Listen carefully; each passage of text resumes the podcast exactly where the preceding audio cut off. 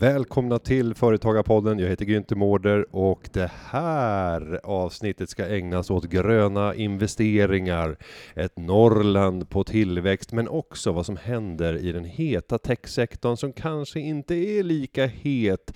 Jag hälsar dig som lyssnar varmt välkommen till Företagarpodden. Och som gäst idag har vi en person med djup inblick i det digitala. Han kan titulera sig CDO och har gjort det i flera olika roller. Idag på H2 Green Steel, tidigare bland annat på EQT och har varit på Google. Välkommen Olof Hernell. Tack. Jättekul att ha dig här. H2 Green Steel, en av de hetaste bolagen i Sverige får man väl säga just nu. Mm. Hur är nuläget? Nuläget är alldeles utmärkt. Och man kan väl säga att det har gått från en viss eh, eufori i fredags. Vi är ju nu på Almedalsveckan, så i fredags då eh, när vi spelar in det här så fick eh, H2 Green Steel vårt eh, miljötillstånd att börja bygga upp i Boden. Och det var lite svaj kring det och en rädsla Ja, för att det inte skulle gå igenom. Ja, verkligen. Det har ju varit en eh, riktig, riktig eh, berg och bana kan man ju säga. Och eh, rätt fascinerande att titta tillbaka på, jag började för ungefär ett år sedan eh, och eh, då var vi 10-15 pers eller någonting sånt där. Och då fanns ju det här tillståndet som någon nästan ouppnåelig hägring långt fram, som alla har jobbat stenhårt för att komma, komma i mål med. Och vi har många debatter nu under Almedalen här som har pratat om hur stora problem det är med att tillståndsprocesserna är för långsamma och de måste sp- speedas upp. Vi har fått igenom det här på sex och en halv månad från att vi lämnade in ansökan. Det är imponerande. Eh, Det är imponerande av systemet, av AB Sverige, eh, och, eh, men det är ingenting heller som man bara liksom får, utan det är väldigt, väldigt mycket jobb bakom det. Att göra en bra ansökan, ha förankrat det lokalt, ha gjort alla, alla abrovinker som man ska göra så att det blir förhållandevis lätt. Men som du sa, det har varit en, eh, en liten svajig eh, historia eh, de senaste månaderna. Om, sidan. om jag Mm. får leka lite grävande journalist så skulle jag kunna ställa frågan Har H2 Green Steel haft en egen gräddfil? Nej. Nej. Nej, det har vi inte. Nej. Nej. Men om vi nu bara ska snabbt förklara vad ni är på väg att skapa i Boden. Det är inte Mm. alla som har 100% koll. Om vi bara ska ge en snabb sammanfattning av vad är det här för business case? Hisspitchen är ungefär så här. Vi tror att mängden koldioxid i atmosfären är för hög och att det är ett av våra stora samtidsproblem. 8% av de årliga utsläppen globalt kommer från ståltillverkning. Eh, Stål är någonting som vi inte kan sluta att ha. Vi behöver bygga broar, hus, fordon och så vidare. Alltså måste vi få bort den koldioxidproduktionen vid produktionen av, den, eh, av, av, det, av stålet. Eh, och eh, det är det som är vårt uppdrag. Eh, för att göra det så bygger vi tre stycken plattformar kan man säga. Den första det är grön vätgas. Så eh, vätgasen tar vi vatten från Luleälv. Vi eh, elektrolyserar den med el, splittar upp till vätgas och syrgas. Eh, steg två det är eh, DRI, eller direkt reducerad järn. Eh, och då tar vi järnmalm eh, och eh, tillsammans med vätgasen reducerar det till järn och vatten. Eh, och sen så den tredje plattformen det är ett stålverk som producerar grönt stål. Och det är att vi bygger det första stora stålverket i Europa på mm, typ 50 år eh, Eh, och eh, eh, gör det på ett, på ett modernt sätt vilket gör att man får ner energiförbrukning, vi kan använda elektri- elektricitet för att värma på många ställen. Och på så sätt kan vi från hela kedjan få ner koldioxidproduktionen per producerat ton stål. Från två ton per, per ton stål som är branschgenomsnittet idag till ett par hundra eh, kilo eh, koldioxid per ton stål beroende lite grann på vilken produkt och vilken efterbehandling och så vidare. Så det kan man säga. Och grunden för att kunna göra den här Mm. typen av eh, investeringar handlar ju om tillgången på mycket grön, billig el. Ja. Annars hade det här varit omöjligt. Yes. Men jag sitter och tänker, ni är ju inte ensamma. Det finns ju flera andra energi- energislukande investeringar som Mm. just nu sker i både norr och Västerbotten. Mm. I de delar av Sverige där vi har absolut lägst elpris och till följd av att det råder ett produktionsöverskott. Men det kommer ju slukas väldigt mycket energi. Ska norrbottningarna vänja sig vid ett väsentligt högre elpris efter att alla de här investeringarna är uppe och taktar och börjar sluka den här energin? Ja, det är en bra fråga. Eh, eh, det vet jag faktiskt inte exakt var, vad som kom, var, var, hur, hur det kommer röra eh, priset för konsumenten. Det vi, det vi ser i alla fall från vårt horisont, det är att det finns gott om el eh, i, i, i- regionen eh, och att den, det finns en, en, en, en ganska lätt eh, lite villfarelse att det är bara att transportera den elen någon annanstans. Så att eltillgången ser vi som god eh, i regionen eh, och eh, hur exakt det kommer påverka slutkonsumentens pris, det vet jag faktiskt inte. Mm. Eh, Men, men man kan väl säga att om elpriserna skenar i Norrbotten, då kommer det inte vara, då kommer det inte vara ett av de handfull ställen där det går att göra den här gröna transformationen. För att det vi, det vi ser nu är att det, det eh, att, att, att, att göra hela den här kedjan, det är egentligen de två första då, vätgasen och järnproduktionen, där det, det går inte att göra på mer än ett par ställen globalt, där det finns de rätt, rätta förutsättningarna. Så att eh, om, om, priset skenar så kommer, det, så kommer det inte gå heller. Så att det finns någon sorts eh, självinsvängande system där, skulle jag tro. När kommer det första fossilfria stålet att kunna levereras ut mot marknaden? 2025. Det är väldigt snart. Ja. Eh, Det är nästan så här kinesisk hastighet på eh, uppbyggnad av av fabrik. Ja. Eh, vilka risker medför den här otroligt tajta tidplanen? Risker. Det finns massa risker i projektet, men jag är osäker på om jag tycker att tidplanen i sig har risker. Eh, det är nästan snarare så att man kan säga, tycker jag, att tidplanen i sig tar bort någon typ av risk i och med att det kräver en brutal dedikering av alla, alla, alla parter. Eh, vilket gör att eh, jag tror att det är en förutsättning. Det gör att miljöprövningen blir lättare.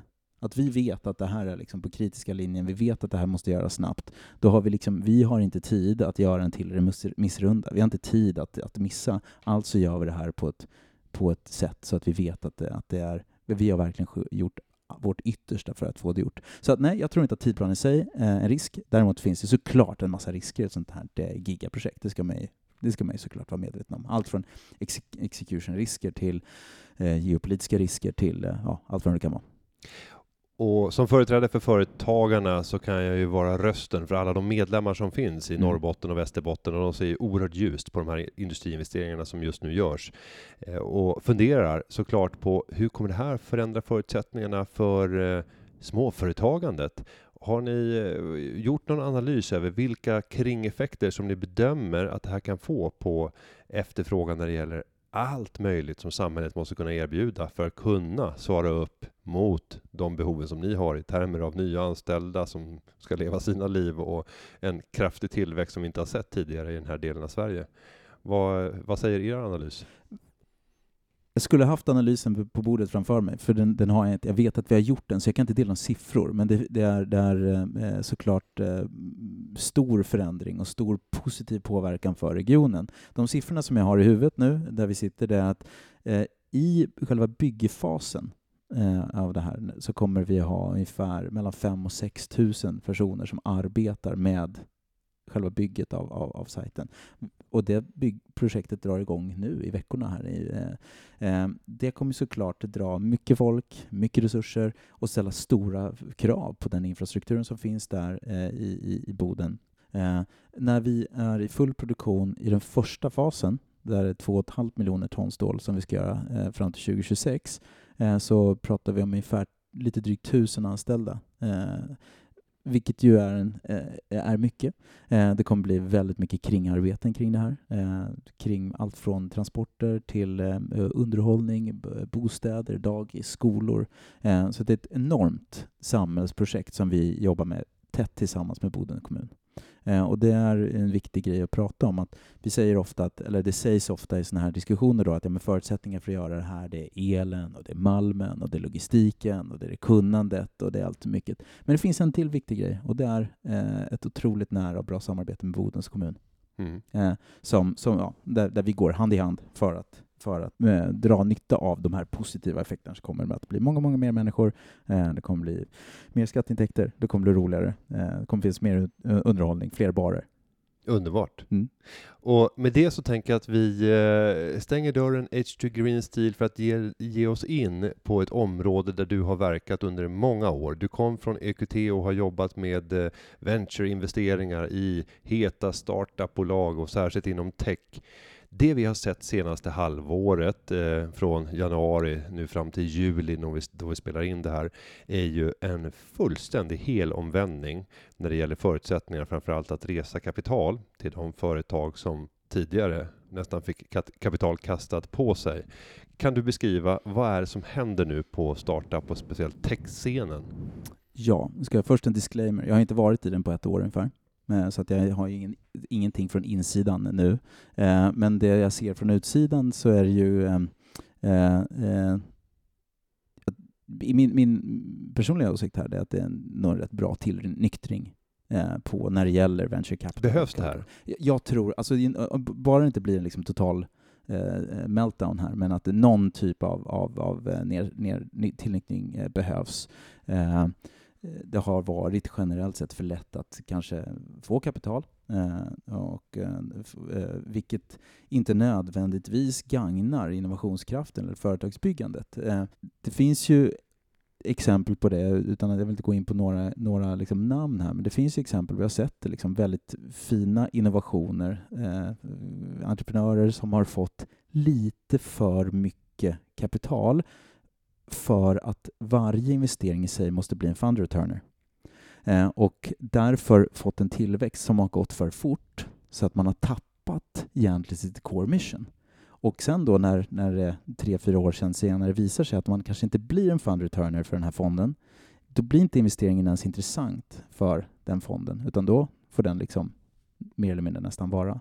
Eh, och, och, så att jag, jag, tror att en liten, liten, liten inbromsning här inte är dumt. Jag tror också att en inbromsning i termer av liksom takten på hur man deployar kapital från de här fonderna inte heller är dum. Alltså för när jag började i riskkapitalbranschen, jag ska säga att jag inte har varit på investerarsidan, utan jag har ju varit liksom jobbat med digitalisering av de bolagen som eh, de här riskkapitalbolagen som jag jobbade för eh, investerar i. Men, men, men att när jag började, då var, pratade man att ha en deployment-takt på kanske fem år per fond, eller fyra år per fond. Och sen så gick det liksom snabbare, snabbare, snabbare, snabbare, snabbare, till slut nästan ner på två år per fond. Det gör då till slut att investerarna blir exponerade för en vintage. Eh, det går liksom fruktansvärt fort. Så att min, min, jag tror att det, det, är inte så dumt med en liten eh, inbromsning här. Vilka bolag är det som kommer kunna lyckas, inte bara övervintra, utan komma ut ur det här än mer framgångsrika? Och vilka tror du kommer att eh, stöpa med i eh, den minskade riskaptiten och kanske då inte få den finansiering som behövs för att fortsätta bedriva verksamheten? Mm, jag, jag, tror att eh, Bra fråga. Jag ska försöka tänka ut något klokt svar här. Men jag tänker tre, tre varianter på det där. Eh, för det första, eh, givetvis de som har en på riktigt stark, eh, långsiktig idé. De som har en produkt som faktiskt är långsiktigt stark. Så de kommer ju stå mycket, mycket starkare än de som varit lite svajigt. För det ska man väl kanske säga att det är rätt många halvsvajiga startups som har fått finansiering. Eh, och, och, eh, och, eh, så, och de kommer få det klart tuffare såklart än de som, har ett, eh, som löser ett viktigt reellt problem för en marknad eller för någonting. Så första. Den andra som jag ska säga är att Eh, eh, och där är jag kanske biased själv då, i och med att jag är nu impact, på impact-sidan. Att, att där, där det finns eh, innovationer eller företag som i, inom eh, klimat eller andra sustainability-domäner tror jag kommer fortsatt ha ha goda utsikter att resa det kapitalet som behövs för att för att, för att lyckas. Ehm, för att det är rätt grej. Eh, och, men också för att det finns rätt mycket kapital som är odeployat, som, som har en sustainability-stämpel eh, på sig. Du måste investera i någonting som, som, som, som genererar någon positiv effekt för samhället. Och, så, och de, de, de fonderna finns och det kapitalet måste deployas eh, och det finns där nu. Så det, det, det, det, tror jag. Eh, och sen så skulle jag säga att det tredje jag tror att det finns en talangkomponent i det här också, så, som såklart är kopplat till sustainability-sidan. Att, att, eh, ehm, eh det tycker jag mig sett de senaste fem åren här, eller sju åren kanske till och med. Att, att, eh, att hitta rätt, rätt tech-talang eh, är oerhört mycket lättare om du har en stark eh, sustainability mission. Eh, och, eh, så att de, de bolagen som har en sustainability mission och som inte heller är fullständigt dopade av eh, optionsprogram som, är, eh, eh som, som bygger på en våldsam tillväxt de kommande två, tre åren, de kommer nog ha, ha en möjlighet att, att eh, attrahera och behålla rätt tech-talang och de kommer nog komma rätt bra ut ur det här tror jag. Och handlar det om att det måste vara en, eh, en grundläggande affärsidé som på riktigt kan förändra? Eller kan man ta en ganska vanlig affärsidé men kommunicera problemet som man löser på ett sätt så att man faktiskt visar hur man delar, eh, är delaktig i samhället och faktiskt gör skillnad. Det går ju att beskriva allting man gör på väldigt olika sätt. Ja. Eh, kan man komma undan med att inte vara det här supermiljöbolaget som Jag tror inte man någonting? kommer undan. Mm. Jag tror inte man, jag tror, men det tror jag inte har med, med förändrande kapitalmarknaden som är nu att göra. Utan det, det, det kände vi. Alltså vi, vi på H2 Green Steel, vi reser ju extern eh, finansiering och det är ganska liksom avsevärda belopp vi behöver för att bygga det här eh, stålver- ska vi droppa st- någon, någon stålverket. siffra? Nej, det, det är många miljarder euro Ja. eh, som behövs. Eh, och och eh, eh, de investerare som, som vi har träffat, eller träffar kontinuerligt, är ju eh, oerhört kunniga i det här området. Eh, och eh, det, är ingen, det, det räcker inte med en greenwashing Nej. för att, för, för att få kapital. Så att, eh, jag vet inte riktigt om jag tror att det har, har liksom ändrats. Eh, jag, jag, jag tror att har du en mätbar, påvisbar impact så så, så går det att få kapital. Om du håller på med greenwashing så tror jag att det är rätt, rätt svårt att, att komma vidare. Men där finns en annan intressant grej som jag tycker som är kanske ett side, side track här, men det är att, att eh, det, en, en sak som saknas i det här systemet, det är en precision i mätbarhet på impact. Eh, och eh, det, det är ett- slag jag skulle vilja slå för alla som lyssnar och alla som, att det, det finns ett stort behov här nu av att eh, få bygga metoder och standarder och en eh, revisions, revisionsbarhet Mm. på impact. Eh, och, eh, eh alltså, typ hur, hur, hur mycket mindre koldioxid per producerad kilo eh, stål har vi jämfört med andra? Och så kommer vi med en siffra och så säger någon, ja men hur har ni räknat på det där? Ja, så du vet, det är scope 3 och det är uppströms och Mm. nedströms och det är en, det är en, det är en, det är en, rätt, det är en svår, rätt svår ostandardiserad domän. Så att där finns det definitivt ett ganska stort eh, utrymme för, för innovativa företag att hitta hur man liksom bokför eh, och eh, eh, standardiserar impact, impactmätetal som, som man kan få hela vägen in på samma granularitet som kronor och ören in till en investerares eh, resultatrapport. Och där tänker jag att affärsidén för den som nappar på det här Mm. inte ska vara att komma på ett nytt språk och göra någonting annorlunda, att titta på vad som finns, men hitta sätt att kunna få ut den data som behövs för att kunna fylla det här med precision. Ja. För vi behöver inte fler språk. Nej, Då då blir vi behöver då- då precision blir jag på det här. Ja, men vi behöver precision och trovärdighet och standardisering. Eh, men, men, och det, och det, det är jag osäker på om det kommer att komma från startup-världen såklart, men, men eh, det kommer komma också behövas eh, andra mer institutionella spelare för att göra det här i, lokalt och in, internationellt. Men det, det, är, det, är ett, eh, ett, ett hål på marknaden som jag ser. Jag och såg både på från insidan av riskkapitalet och som jag ser nu på utsidan som impact, eh, ett impactbolag. Det är att eh, olikt definitionen på vad en euro är så finns det fortsatt en ganska stor spridning i definitionen på vad en utsläppt CO2-molekyl är. Mm. En betydande del av din karriär har du ägnat åt att engagera dig i bolag som eh, ska få hjälp med att eh, nyttja digitalens, dig, den digitala teknikens fulla kraft. När du tittar på de som har varit absolut mest framgångsrika, om vi tar flera av de bolag som EQT investerade i, vad är det som är särskiljande för de bolagen som lyckas använda digitaliseringen till sin fulla fördel? Kan man hitta några bärande element som man skulle kunna skicka med som råd till småföretagare där ute? Det kanske inte är helt enkelt att enkelt översätta det här till den vanliga lilla småföretagaren. Ja, absolut. Och, och eh, den komponent, om vi tittade på, när vi, vi tittade på massor med företag, stora och små, eh, i olika typer av geografier, olika marknader eh, under alla de här åren på EQT. Den, den eh, gemensamma faktor för duktiga bolag handlade inte om deras tekniska förmåga. Det handlade inte om hur, hur tekniskt bevandrade deras produkter var, utan det handlade om hur väl styrelse och ledning var ihopkopplade med den digitala samtiden för sin produkt eller tjänst. Att man förstod att den här tjänsten jag tillhandahåller min marknad, den spelar in i det här det här digitala ekosystemet. Och om det är en, en mm, eh, djurförsäkring eller en digital eh, råttfälla eller om det är en musikproduktion så kan man säga att de som förstod det, de lyckades de som började med att säga att nu ska vi bygga teknologi, de hade mycket större utmaningar. Och det är en, en, en, en, någonting som jag tycker går igenom hela diskussionen här i, i, i, i Almedalen som vi är nu. Att, eh, jag ska helt villigt erkänna att jag är, är rätt trött på den här konversationen. Vi sitter och pratar om digitalisering som någonting nytt. Den har liksom pågått i ett kvarts en sekel. Eh, eh, och eh, det är en del av samtiden som vi har levt i jätte jättelänge. Vi kan inte hålla på och prata om att det är sån någonting nytt som vi ska satsa på eller någonting som är gulligt. Det är, det är alla ledningsgruppers, alla styrelsers självklara, eviga uppgift att förstå sin samtid. Den är digital idag. Fattar du inte den, get out. Det är hårda ord. Och det får bli slutordet. Ut och var nyfikna är, Ut och var nyfiken. är, är vad jag hör. Ja. Stort tack Olof för att du gästade Företagarpodden och att vi fick låna dig här under det späckade Almedalsschemat. Superkul att prata med er.